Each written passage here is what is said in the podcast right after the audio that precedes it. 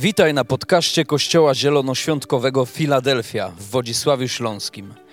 Mamy nadzieję, że to przesłanie zachęci Cię do bliższej relacji z Jezusem. Jeżeli jesteś ciekaw, kim jesteśmy, zapraszamy Cię do odwiedzenia naszej strony internetowej filadelfia.org.pl. Do zobaczenia w Filadelfii.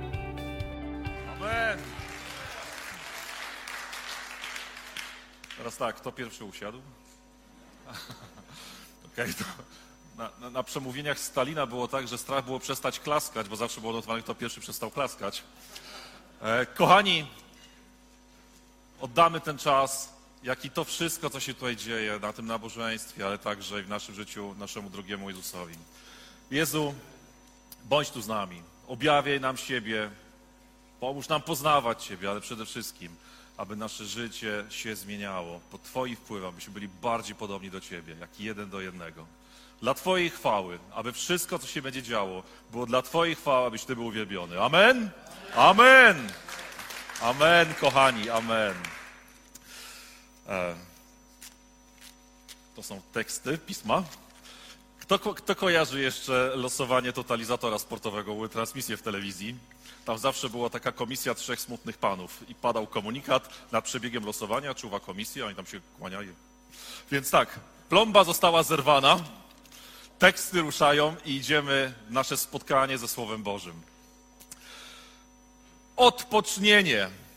Kochani, cudowne słowo na czas, taki jaki widzimy na zewnątrz. Kto czuje się odpoczęty, wypoczęty, ręka do góry? Nie wiadomo, w jakim kierunku kazanie pójdzie, tak?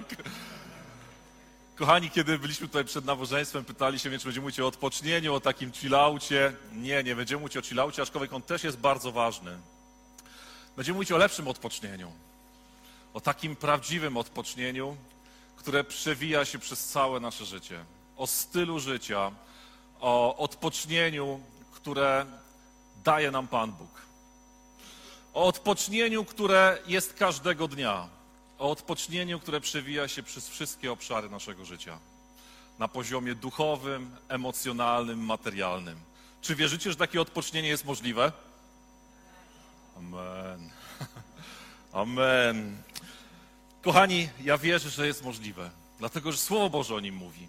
Ja powiem więcej. Dzisiaj będzie dużo fragmentów. Mam nadzieję, że technicznie to nadrobimy i wyrobimy się. Kiedy pisałem wczoraj do Karoliny, mówię, Karolina, będzie dużo fragmentów. Mam nadzieję, że to ogarniemy. Ale jeżeli coś technicznego nam się tutaj popląta, to damy radę. Pan Bóg jest z nami. Czy możemy pokazać zdjęcia?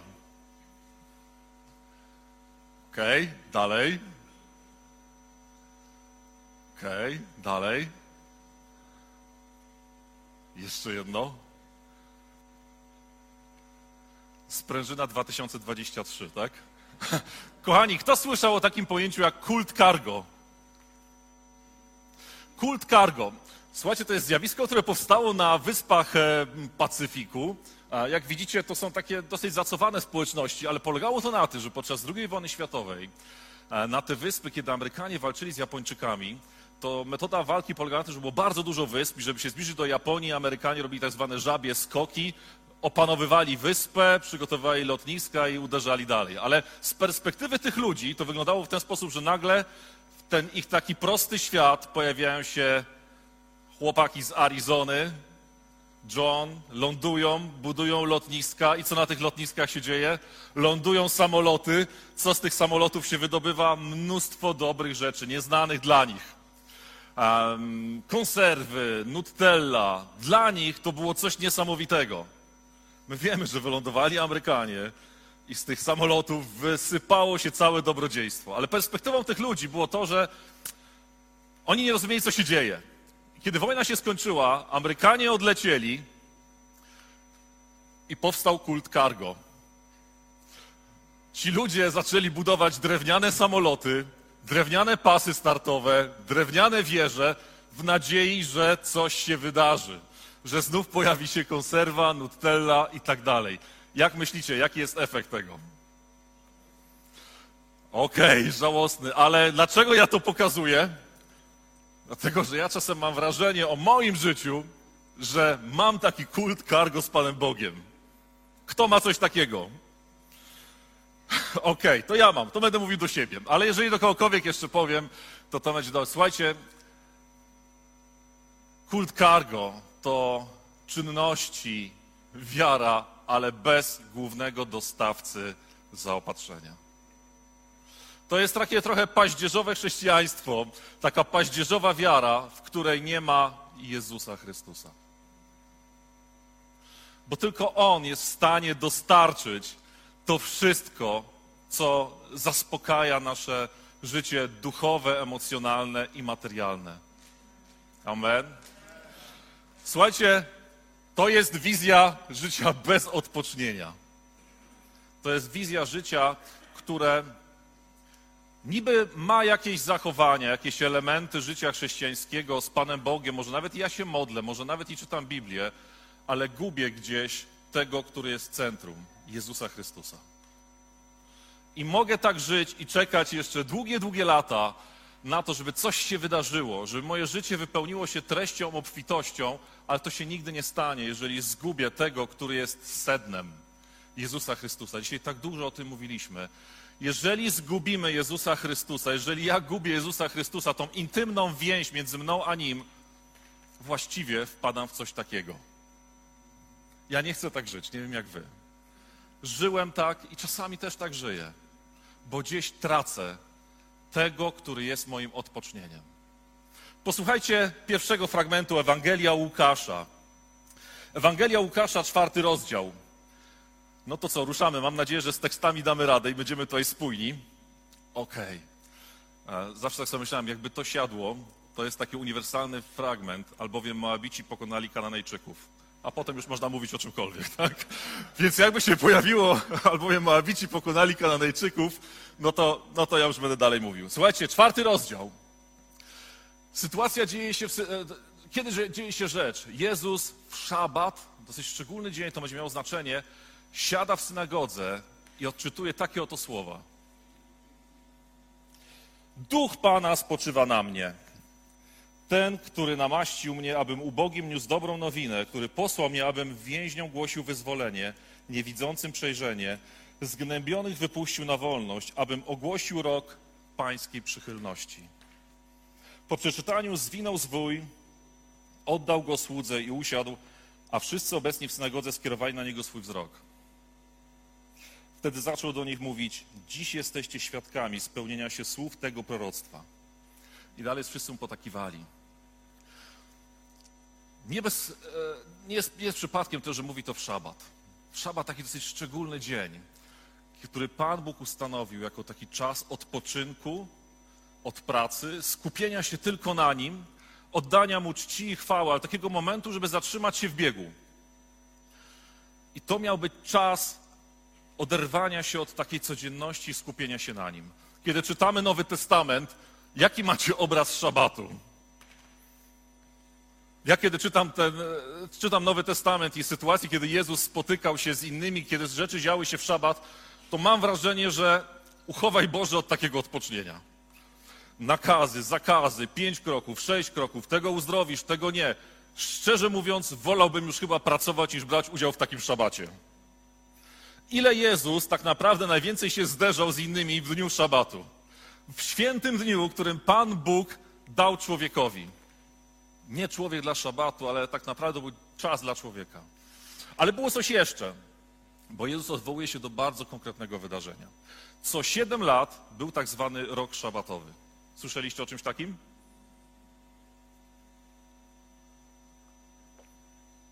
Rok szabatowy polegał na tym, że co siedem lat w całym Izraelu darowane były wszystkie długi. Jeżeli nabrałeś pożyczek, zadłużyłeś się potąd, to było ci to anulowane. To było uwalnianie niewolników. Jeżeli wpadłeś w niewolę, to wtedy byłeś uwalniany. Co siedem lat. Idea piękna. Ona miała zabezpieczyć Boży lud przed tym, aby nie doszło do takiego trwałego wypaczenia relacji społecznych, do takiego trwałego wypaczenia, kiedy ktoś czasami przez błędy życiowe wpędza siebie i swoją rodzinę w dramat. Bóg mówi, co siedem lat będzie takie, że tak powiem, czyszczenie rejestrów. ale praktyka pokazywała, że było inaczej. Bo Żydzi często przepisywali umowę na Goja, czyli na nieżyda.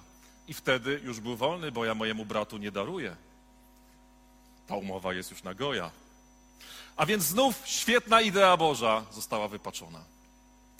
Ale co 50 lat był rok szabatowy, do którego odwołuje się Jezus.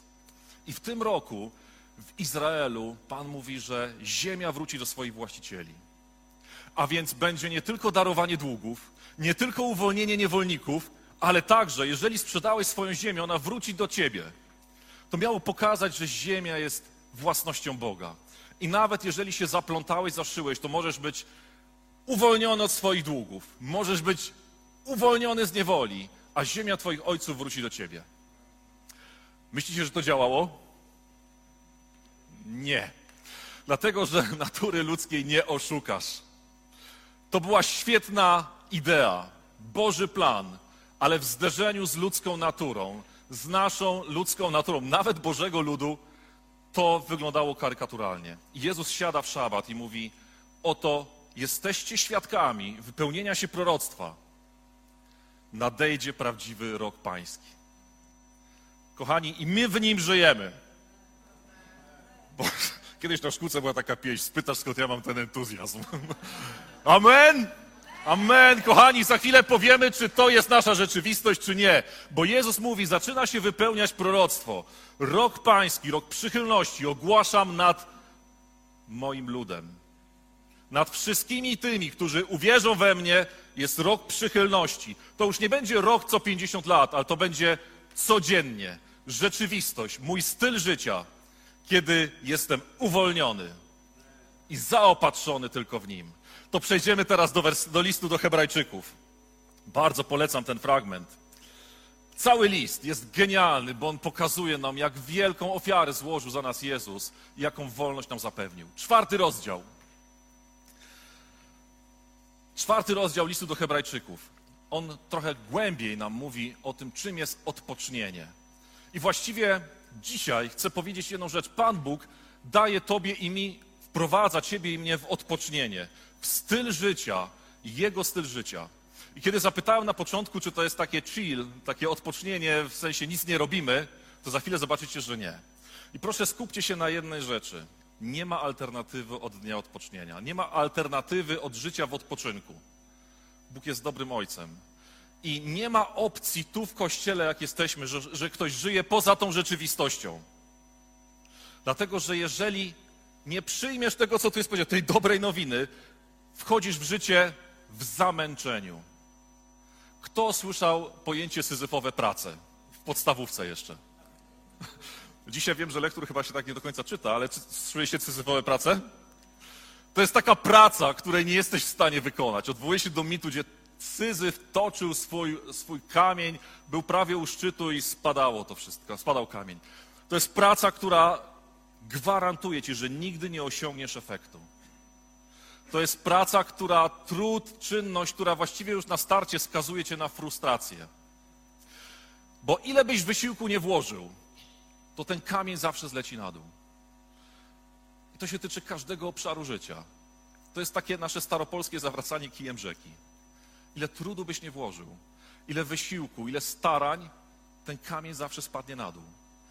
I Bóg ma tego świadomość.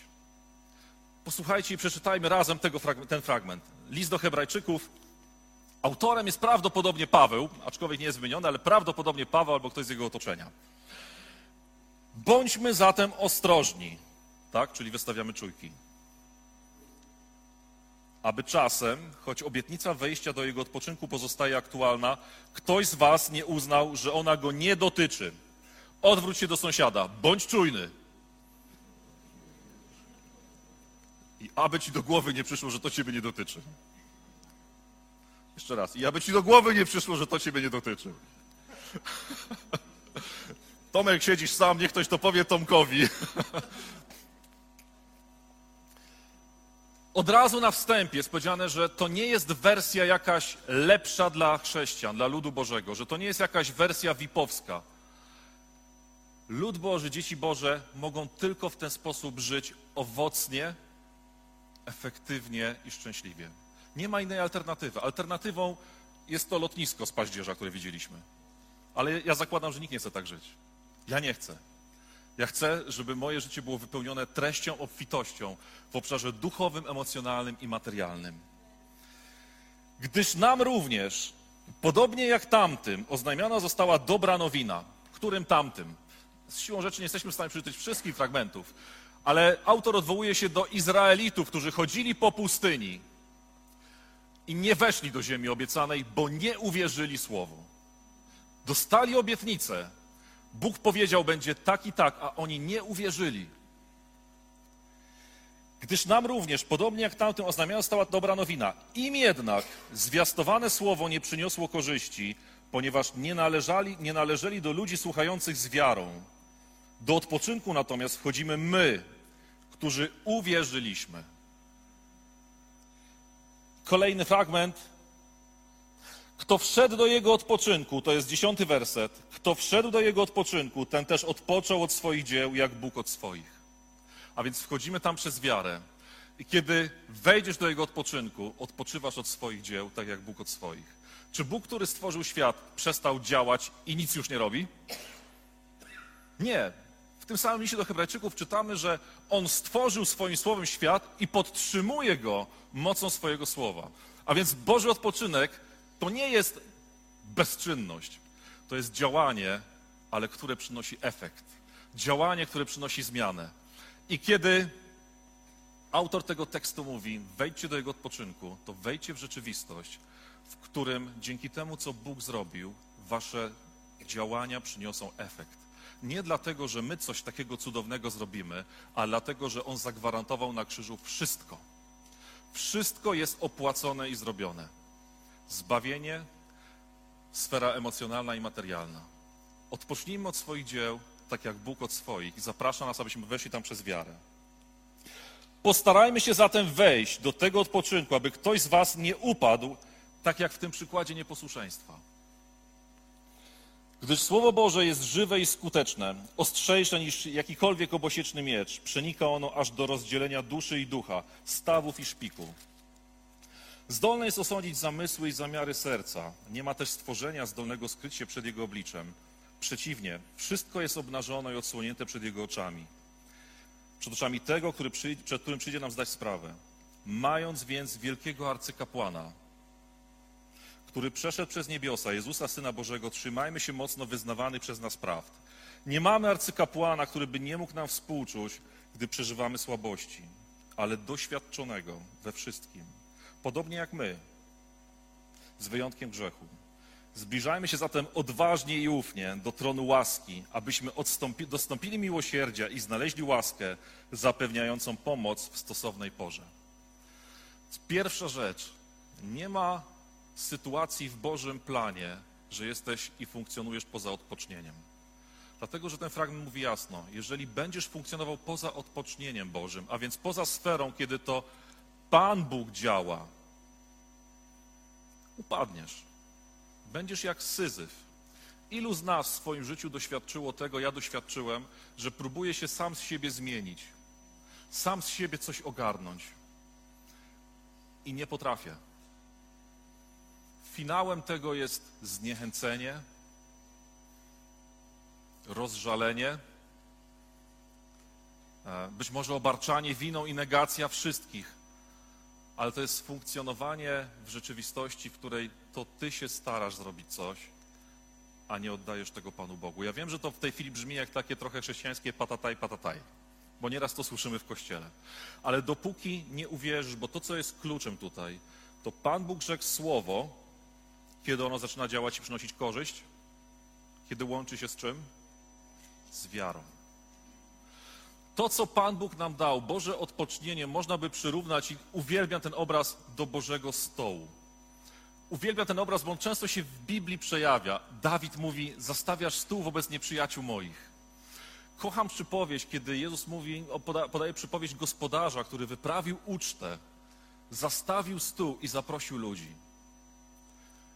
Boże odpocznienie to jest Boży dar, to jest łaska, w której za darmo otrzymujemy wszystko, co jest nam potrzebne. Dlatego, że On to zrobił na krzyżu. Co otrzymujemy za darmo? Przeczytajmy list do Efezjan. Drugi rozdział. Łaska to jest dar. To jest coś, na co nie zasłużyłeś. To jest coś, co zostało opłacone bezcenną krwią Jezusa Chrystusa, ale ty to bierzesz darmo. Wyobraź sobie odpocznienie właśnie jako taki stół. Nie wiem, jakie lubisz posiłki, czy ekskluzywne restauracje, czy karczmy wiejskie, ale wyobraź sobie w głowie, w czym ci jest dobrze. I wyobraź sobie, że wchodzisz i ten stół jest zastawiony po brzegi. Wszystkim. Wszystkim, co jest potrzebne w Twoim życiu duchowym, emocjonalnym i materialnym. I to jest Boży dar, Boża łaska. W liście do Efezjan czytamy takie oto słowa.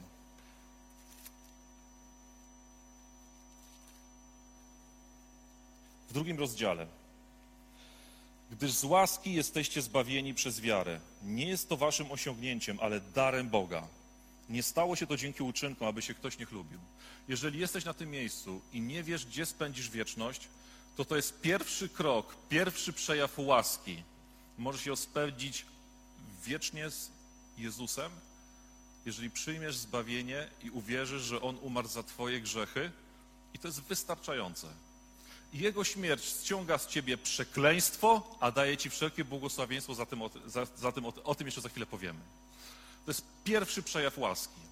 Ale w e, liście Piotra czytamy, że Piotr mówi, abyście brali, aby wasz udział w łasce i pokoju rósł i pomnażał się. To znaczy, że możemy brać łaskę za łaską. Że nasz poziom łaski może być mnożony w różnych obszarach życia. Amen?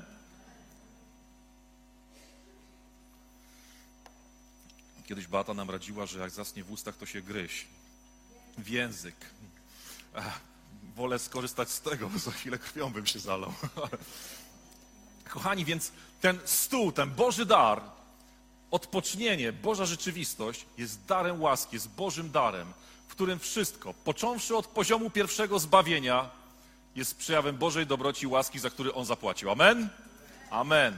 Kochani, ale jeżeli chcemy przy tym stole funkcjonować w odpocznieniu, to musimy mieć bardzo mocno ustawione w swoim życiu to, kim jesteśmy. Kim przy tym stole jesteś? Czytaliśmy o tym, że to słowo powiązane z naszą wiarą tak naprawdę wprowadza nas w odpocznienie. A więc nie zasiądziesz do tego stołu. Czy widzieliście kogoś, kto jest za, za, zaproszony na takie uroczyste przyjęcie i tak czuje się, że nie do końca jest zaproszony, że nie pasuje do towarzystwa? Mieliście tak? Nie? Tak, nie. Dajcie wyraz. Był ktoś tak, ręka do góry. Kto tak miał? Ja tak miałem. Byłem zaproszony na jakieś przyjęcie, tyle sztućców, że nie wiedziałem, co mam robić. Naprawdę się czułem jak taki kargul trochę, więc tylko tak dyskretnie wodę i tam coś, co jeszcze kojarzyłem. Więc jeżeli chcesz siąść do stołu i korzystać z niego w pełni, do stołu, który został opłacony najcenniejszą krwią Jezusa Chrystusa, to musisz mieć pewność, co Słowo Boże mówi o tobie. Bo będziesz cały czas przy tym stole funkcjonował jak taki, czy ja tu pasuję, czy nie pasuję. Czy wypada mi prosić Pana Boga o to, czy nie. Czy przysługuje mi to, czy też nie. Ciągle taki, taki zawias. Taki to i siedzę i nie siedzę przy tym stole. A więc pierwsze co? To słowo mówi o tobie, kim jesteś. Więc nie odlatujemy z listu do Efezjan i przeczytajmy, kim jesteśmy według Słowa Bożego, które mamy połączyć z wiarą. Drugi rozdział, dziewiętnasty werset. Tak więc nie jesteście już obcymi. Nie jesteś przy stole obcy. To nie jest tak, że komuś się pomyliły wizytówki i tam po prostu cię do, do, do, dołączyli. Nie jesteście już obcymi przybyszami, lecz współobywatelami świętych i domownikami Boga. Czujecie różnicę pomiędzy kimś, kto wparował tak trochę na krzywy, a kimś, kto jest domownikiem? Jesteś dzieckiem Boga, zrodzonym. Bo to, o czym mówimy, to nie o tym, że przyszedł Jezus i dał nam parę złotych rad, ale nastąpiło coś zupełnie innego. Dzięki Jego ofierze, jeżeli uwierzysz w to, jesteś zrodzony na nowo. To jest zupełnie nowa jakość. Nie jesteś starym leszkiem, który dostał parę złotych rad i dalej męczy się ze swoją grzeszną naturą, ale jestem nowym stworzeniem. Kimś zupełnie nowym, zrodzonym przez Boga. I w liście do Efezjan jest napisane, jesteś domownikiem. Chodź, siądź, moje dziecko. Nie jesteś tutaj obcym przybyszem, jesteś domownikiem. Zapraszam cię do stołu. Amen. List do Galacjan. Kochani, dlaczego to jest takie ważne? My tych wersetów wszystkich nie przeczytamy, ale jeżeli nie będziesz miał ustawione, kim jesteś w tej relacji, to naprawdę będziesz funkcjonował przy tym stole właśnie jak taki, no taki, co został przyklejony, tak? I nie wiadomo, co on tam robi, wszyscy są skonsternowani, jak on się tu dostał. List do Galacjan. Drugi rozdział. Dwudziesty werset. Apostoł Paweł mówi tak: Jestem ukrzyżowany razem z Chrystusem. Żyję już nie ja, lecz żyje we mnie Chrystus. Powiedz: Żyje we mnie Chrystus. Wierzysz w to? Sam sobie powiedz amen. Czy wierzysz w to, że żyje w tobie Chrystus? Masz Jego tożsamość. Kiedy Ojciec patrzy na ciebie, to mówi tak, jak powiedział do Jezusa: Oto syn mój umiłowany, źródło mojej radości. Czy patrzysz tak na siebie? Ja wiem, że można chodzić lata do kościoła i tak na siebie nie patrzeć. Wychowałem się w rodzinie wierzącej. Mój pradziadek był pastorem. Ja przez całe lata trochę funkcjonowałem jak gościu, który został dosa- dosadzony przypadkiem do stołu. Nie myślałem tak naprawdę o sobie jako źródło mojej radości. Mój umiłowany, super, że jesteś przy tym stole ze mną. Naprawdę tak nie żyłem, nie wierzyłem w to. Bo wiara to jest coś, co sprawia, że tym oddychasz i funkcjonujesz. Kto wierzy, że jutro będzie poniedziałek? Przykład banalny. A są tacy, co nie wierzą, tak? Nie, no kto wierzy, że będzie poniedziałek? I co jutro zrobicie? Zrobicie czyn swojej wiary. Jako, że jest poniedziałek, to wstaniecie i pójdziecie do swoich zakładów pracy, szkół z pieśnią na ustach. Słuchajcie, to nie chodzi o to, że ja wiem, że jest poniedziałek. Ja wierzę, że jest poniedziałek i jutro wykonam czyn wiary. Wstanę, pójdę i będę wykonywał czynności. Wiara, która nie jest czynna, która nie przejawia się w konkretnych, nawet małych kroczkach, jest pustą wiedzą. Gdybyśmy się tu zebrali, jutro jest poniedziałek, a brat Bogdan powie, ale według kalendarza Majów to kto tam wie, ktoś tam powie, ale w Iranie to inaczej do tego podchodzą, a w Chinach to jest rok smoka. I tak byśmy debatowali, rozważali znaczenie 17 przecinka Ewangelii Łukasza. Jutro jedyny, który poszedłby do pracy, to pewnie ja. I wykonałbym czyn wiary, dostał nagrodę od swojego pracodawcy, byłaby pochwała w jadłospisie i tak dalej. A reszta być może by debatowała. Ale tak samo jest z wiarą i ze Słowem Bożym. Jeżeli wierzysz, że jesteś Bożym dzieckiem, to żyj jak Boże dziecko. Jeżeli wierzysz, że On cię zaopatruje i że jest e, właścicielem całej ziemi, to żyj tak. Zobaczcie, jaki jest przykład w e, jednej z Ewangelii. Nie pamiętam już teraz fragmentu, nie ma go tutaj. Jeżeli wierzysz, że Pan Bóg jest Panem wszystkiego, to pieniądze będą najmniejszym twoim zmartwieniem. A ja się szczypię nad 200 złotymi, ale Pan Bóg jest Panem całej ziemi, Bogiem i czekam na zmartwychwstanie, ale nie mam tego najmniejszego kroku wiary. Jeżeli wierzysz, że to jest poniedziałek, to wstaniesz i coś zrobisz. Jeżeli wierzysz, że jesteś Bożym dzieckiem, ukochanym domownikiem, tak też będziesz stawiał krok za krokiem. Będziesz się w tym poruszał. W przeciwnym razie będziesz trochę jak ci na paździerzowym lotnisku, którzy rozważają, a może tak, a może siak, a w YouTubie powiedzieli tak, a tamten brat to uważa jest inaczej. Oczywiście, jak nie będziesz czytał Słowa Bożego, to będziesz zdany na takie podmuchy wiatru. A więc wiara ma swoje praktyczne znaczenie. Wyraz w czynach. Jakub mówi, jeśli wierzysz, a twój brat przychodzi, że jest głodny, a mu nie dasz jedzenia, no to, no to co to za wiara? No demony też tak wierzą i drżą. One wierzą, że Bóg istnieje. Myślę, że bardziej wierzą niż my. Ale nie wykonują czynów wiary. A więc w Boże odpocznienie wchodzimy poprzez to, że jesteśmy świadomi tego, kim jesteśmy. I tak też zaczynamy funkcjonować i dzień po dniu dokonywać kroków wiary. Posłuchajcie jeszcze tego, kim jesteśmy. List do Hebrajczyków. Drugi rozdział, jedenasty werset. Zobaczcie, co o Tobie i o mnie mówi Jezus. Król królów, Pan panów, ten, który stworzył świat i podtrzymuje go mocą swojego słowa. Mówi tak. Drugi rozdział, jedenasty werset. Tak trochę to zarzucam, warkocz tu jakiś miał, ale... Tak włosy.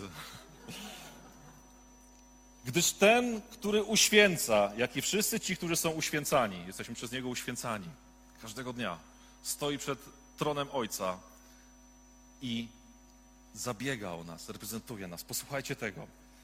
Z tego powodu nie, nie wstydzi się nazywać ich braćmi.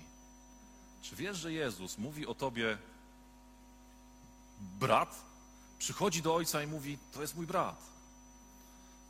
Mieście takie klimaty w szkole, że był taki starszy i młodszy, i wszyscy tej młodszej klasy się bali, a bo to jest brat tego.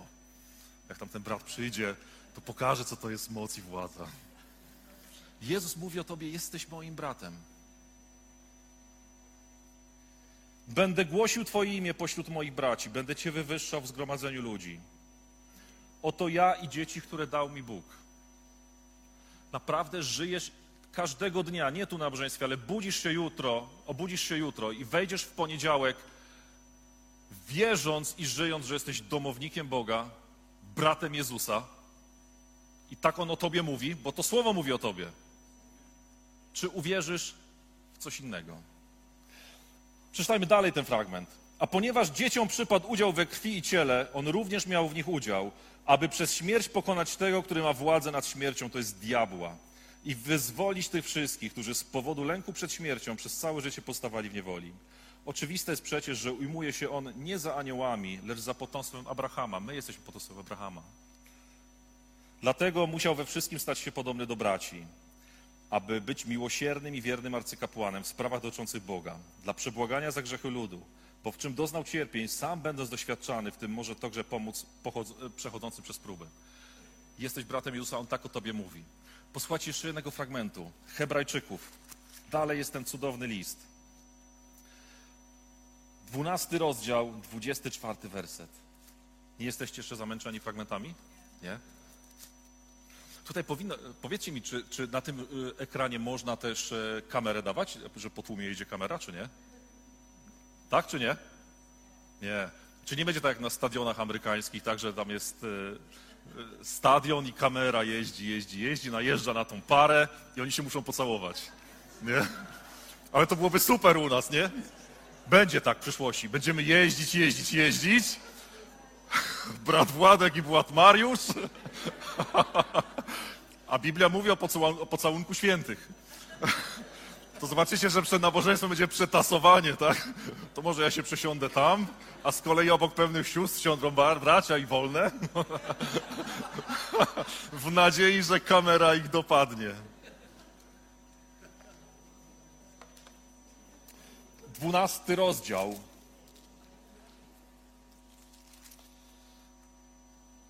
Dwudziesty drugi werset, co Biblia mówi o nas. Jesteśmy dziećmi Boga. Jezus nazywa nas braćmi. Posłuchajcie tego. Lecz przystąpiliście do góry Syjon, do miasta żywego Boga, niebieskiej Jerozolimy, do dziesiątków tysięcy aniołów, do uroczystego zebrania i zgromadzenia pierworodnych zapisanych w niebie. Jesteś pierworodnym dzięki ofierze Jezusa dzięki temu, że mówisz, że On żyje we mnie, bierzesz całą Jego tożsamość, Jego świętość, Jego sprawiedliwość, Jego pozycję w Ojcu. Przystępujesz jako brat Jezusa do zgromadzenia pierworodnych. I dzięki temu możesz funkcjonować w odpocznieniu. Siadasz przy stole nie jak nieproszony gość, ale siadasz i mówisz: Ojcze, bracie, co podano. Posłuchajcie tego. I oczywiście jedna gwiazdka. I proszę, zanim skończę nabożeństwo, proszę brata Bogdana, żebym, jak nie odwołam się od tych gwiazdek, to żeby powiedział, a jeszcze gwiazdka, dobrze? Jak powiem gwiazdka, bo tu jest jedna rzecz, żebyśmy, żeby nikt nie pomyślał, że teraz będziemy głosić tutaj Ewangelię sukcesu. Że urodziliśmy po to, żeby mieć pełne brzuchy i żeby Pan Bóg spełniał nasze życzenia tylko. To będą dwie gwiazdki. Jakbym zapomniał, to bracie, Lechu, ale jeszcze gwiazdka. Dobra, posłuchajcie tego. List do Galacjan. Dalej jesteśmy w liście do Galacjan. Bo co jest przy tym stole? Co to za odpocznienie? Jeżeli nie czytasz Słowa Bożego, to oczywiście nie wiesz. Ale w liście do Galacjan, w trzecim rozdziale, jest powiedziane, jest napisane takie słowa. Trzeci rozdział, trzynasty werset. Chrystus natomiast wykupił nas od przekleństwa prawa, przez to, że zamiast nas stał się przekleństwem. Bez Jezusa, zgodnie z Bożym Słowem, zasługujesz na wymierzenie Tobie kary i żeby na Ciebie spłynęło wszelkie przekleństwo. Taka jest brutalna prawda. Nie możesz nic zrobić, żeby uczynić się świętym i się zbawić. I ciąży na Tobie przekleństwo. I odsyłam Cię do Księgi Powtórzonego Prawa, co to jest przekleństwo. To nie takie przyklinam Cię. To jest wykaz konkretnych rzeczy, które spadają na Twoje życie.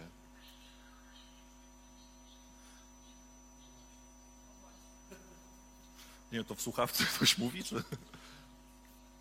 Okej. Spada na ciebie wszelkie przekleństwo, bez Jezusa. Ale my jesteśmy kim? Dziećmi Boga, braćmi Jezusa, przykryci Jego krwią, domownicy, dołączeni do zgromadzenia pierworodnych. I co czytamy? Przeklęty każdy, kto zawisł na drzewie, okej. A wykupił nas, aby błogosławieństwo Abrahama stało się w Chrystusie Jezusie udziałem pogan, tak abyśmy obiecanego ducha otrzymali dzięki wierze. To, że Jezus zabiera przekleństwo i karę, to jest pierwszy krok. A drugi sadza cię przy stole. I co otrzymujesz? Błogosławieństwo. W nim otrzymujesz błogosławieństwo. Pięknem łaski jest to, że zabiera to, na co zasłużyliśmy, a daje nam to, na co nie zasłużyliśmy. I teraz krótkie menu tego, co jest przy stole. Jesteście gotowi? Możemy? Kto jest e, zmęczony, niech da znak. Służba porządkowa go pobudzi. Tak? Słuchajcie, to teraz konkret. No bo mówimy, a przekleństwo, a błogosławieństwo. Jezus odwołuje się konkretnie do konkretnych zapisów błogosławieństwa. Więc co mamy w Jezusie Chrystusie? Księga Powtórzonego Prawa. 28 rozdział. 28 rozdział Księga Powtórzonego Prawa. Jeśli jednak będziesz pilnie słuchał głosu Pana, Twojego Boga, dokładnie wypełniając wszystkie Jego przykazania, a Jezus je wypełnił, a my w Nim jesteśmy tożsami, możemy mówić, ja Leszek wypełniłem, bo Jezus wypełnił, jestem przyklejony do Niego, bo żyje już nie ja, ale żyje On. Czyli wypełniliśmy w Jezusie, tak? Które dzisiaj Ci nadaje, to wyniesie cię wysoko ponad wszystkie narody ziemi. Spłyną więc na ciebie i spoczną na tobie wszystkie te błogosławieństwa, jeśli będziesz słuchał głosu Pana Twojego Boga. Będziesz błogosławiony w mieście i błogosławiony na polu. Amen. Błogosławiony będzie owoc Twojego łona, plon Twojej ziemi i przychówek Twoich stad, młode Twojego bydła, jagnięta Twoich owiec i kus. Ci, co nie mają hodowli owiec i kus, okej, okay, to znaczy, że czymś innym się zajmujesz, też Ci będzie Pan Bóg błogosławił. Posłuchaj tego. Błogosławiony będzie Twój kosz i Twoja dzieża. Błogosławiony będziesz we wszystkich swych przedsięwzięciach. Powiedz, błogosławiony jestem we wszystkich swych przedsięwzięciach. Pan wyda Ci Twoich wrogów, podbijesz tych, którzy przeciwko Tobie powstaną. Jedną drogą wyjdą z Tobą walczyć, a siedmioma będą przed Tobą uciekać. Przyjdą zjednoczeni, a uciekną różnymi drogami. Pan sprowadzi błogosławieństwo na Twoje spichlerze i na każde przedsięwzięcie Twoich rąk. Pobłogosławi Cię w ziemi, którą Ci daje. On, Pan, Twój Bóg. Pan ustanowi Cię sobie jako święty lud, zupełnie tak, jak Ci przysięgli. Tylko będziesz przestrzegał słów Pana. A Jezus wypełnił zakon za mnie. Wierzysz w to? Wówczas zobaczą wszystkie ludy ziemi, że imię Jahwe jest wzywane u Ciebie i będą się Ciebie bać. Pan otworzy dla ciebie swój skarbiec dobra niebo. Będzie zraszał twoją ziemię deszczem we właściwym czasie i błogosławił wszystkie dzieła twoich rąk. Amen. Tak, że będziesz mógł pożyczać wielu narodom, a sam nie będziesz pożyczał. Amen. To już się NBP trzęsie w posadach. W ten sposób Pan postawi cię na czele, nie z tyłu. Będziesz tylko górą, nigdy nie będziesz dołem, gdy tylko będziesz słuchał przykazań Pana Twojego Boga. Kochani, to jest stół. Mówię o rzeczach doczesnych, ale w liście do Hebrajczyków jest powiedziane, że dzięki ofierze Jezusa Chrystusa, dzięki temu przymierzu, daje nam obietnice o wiele lepsze od tych. Wiąże nas z niebem. To jest stół. Ale do niego wchodzimy przez wiarę. W liście do Hebrajczyków jeszcze jeden fragment. Szósty rozdział. Nie, przepraszam. Dziesiąty rozdział.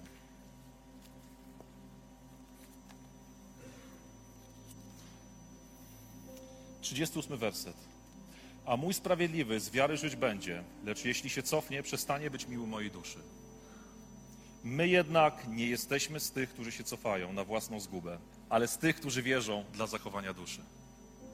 Wiara to nie tylko to, że On za mnie umarł i pójdę do nieba, ale wiara to jest to, że siadam przy stole i wierzę, że na krzyżu wszystkie przekleństwa zostały wzięte, a błogosławieństwa zostały mi dane. I zaczynam tak żyć.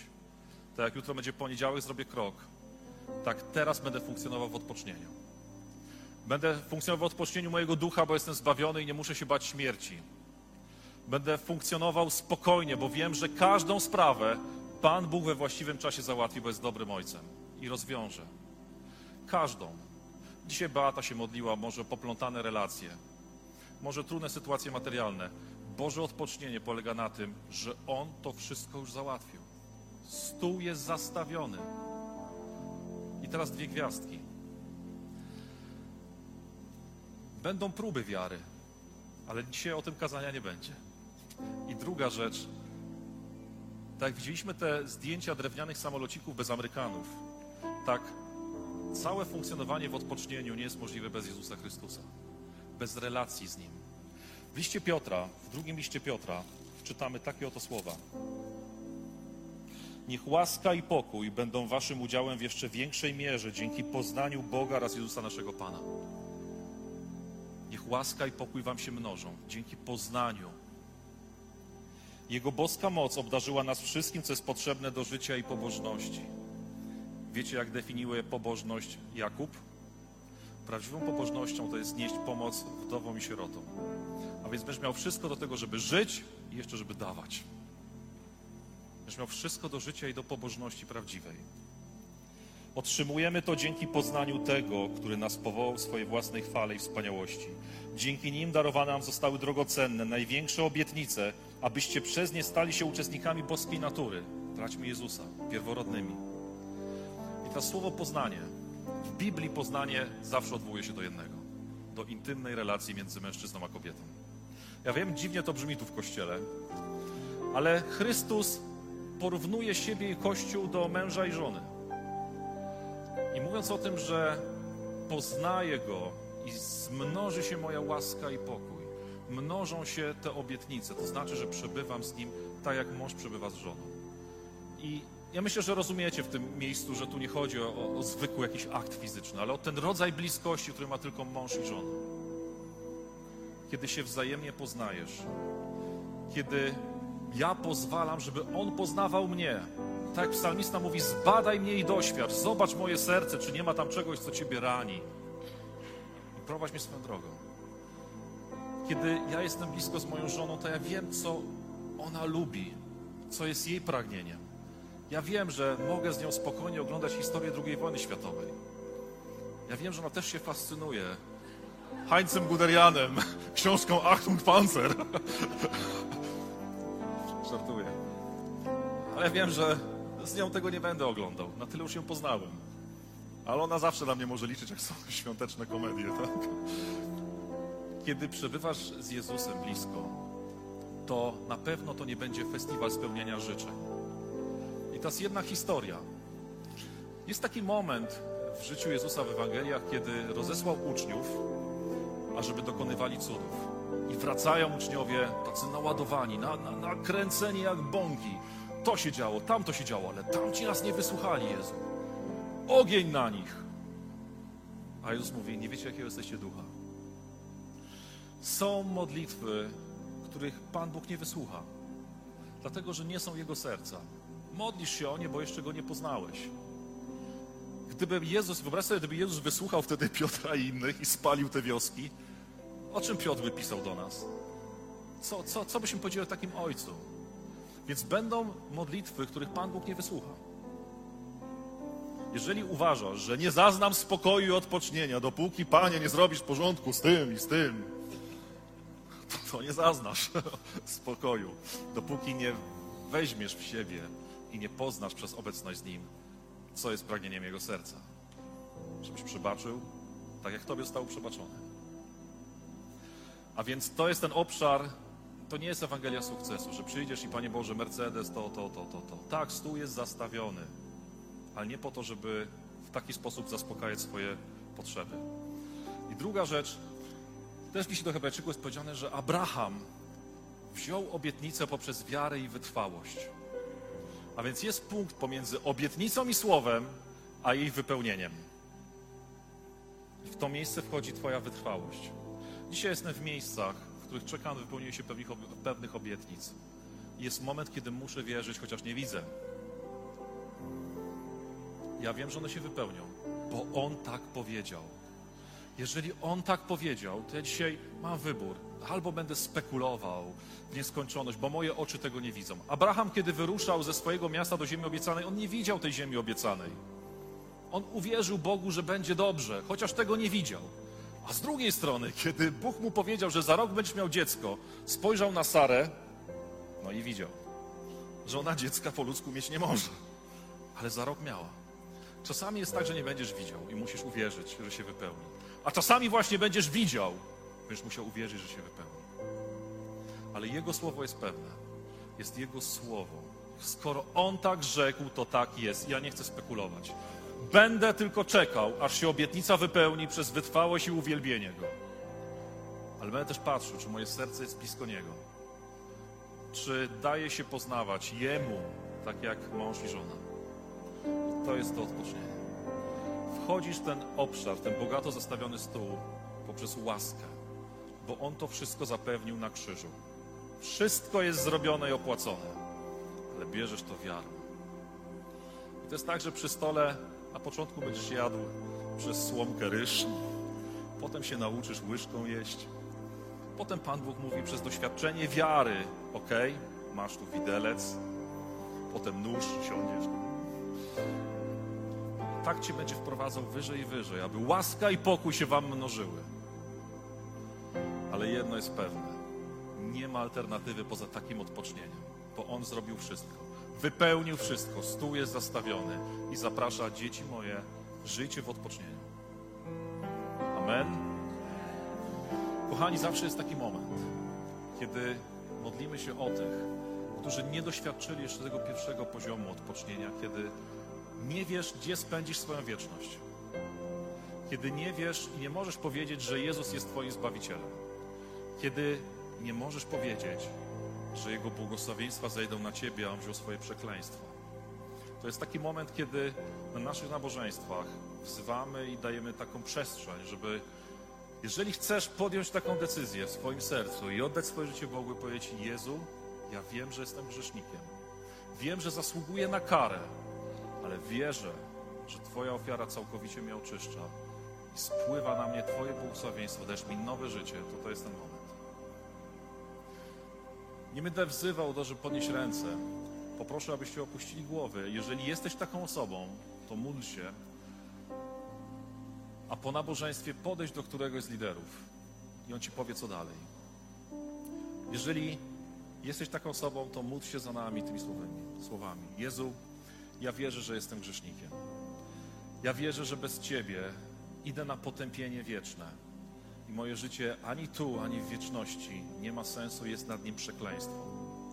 Ale ja wierzę, że dzięki Twojej ofierze na krzyżu przyszedłeś na ziemię, umarłeś za moje grzechy i zmartwychwstałeś, aby zabrać przekleństwo, a dać mi błogosławieństwo i życie wieczne. Ja zapraszam Cię do mojego serca i wyznaję Cię moim Panem. Ty masz jedynie prawo do mojego życia. Ucz mnie i prowadź, abym był taki jak Ty. Amen. Jeżeli modliłeś się tymi słowami, to to jest początek. To stajesz się dzieckiem Bożym, możesz siąść do stołu, a my Ci powiemy, jak jest sztućcami i widelcami. Kochani, bardzo Wam dziękuję.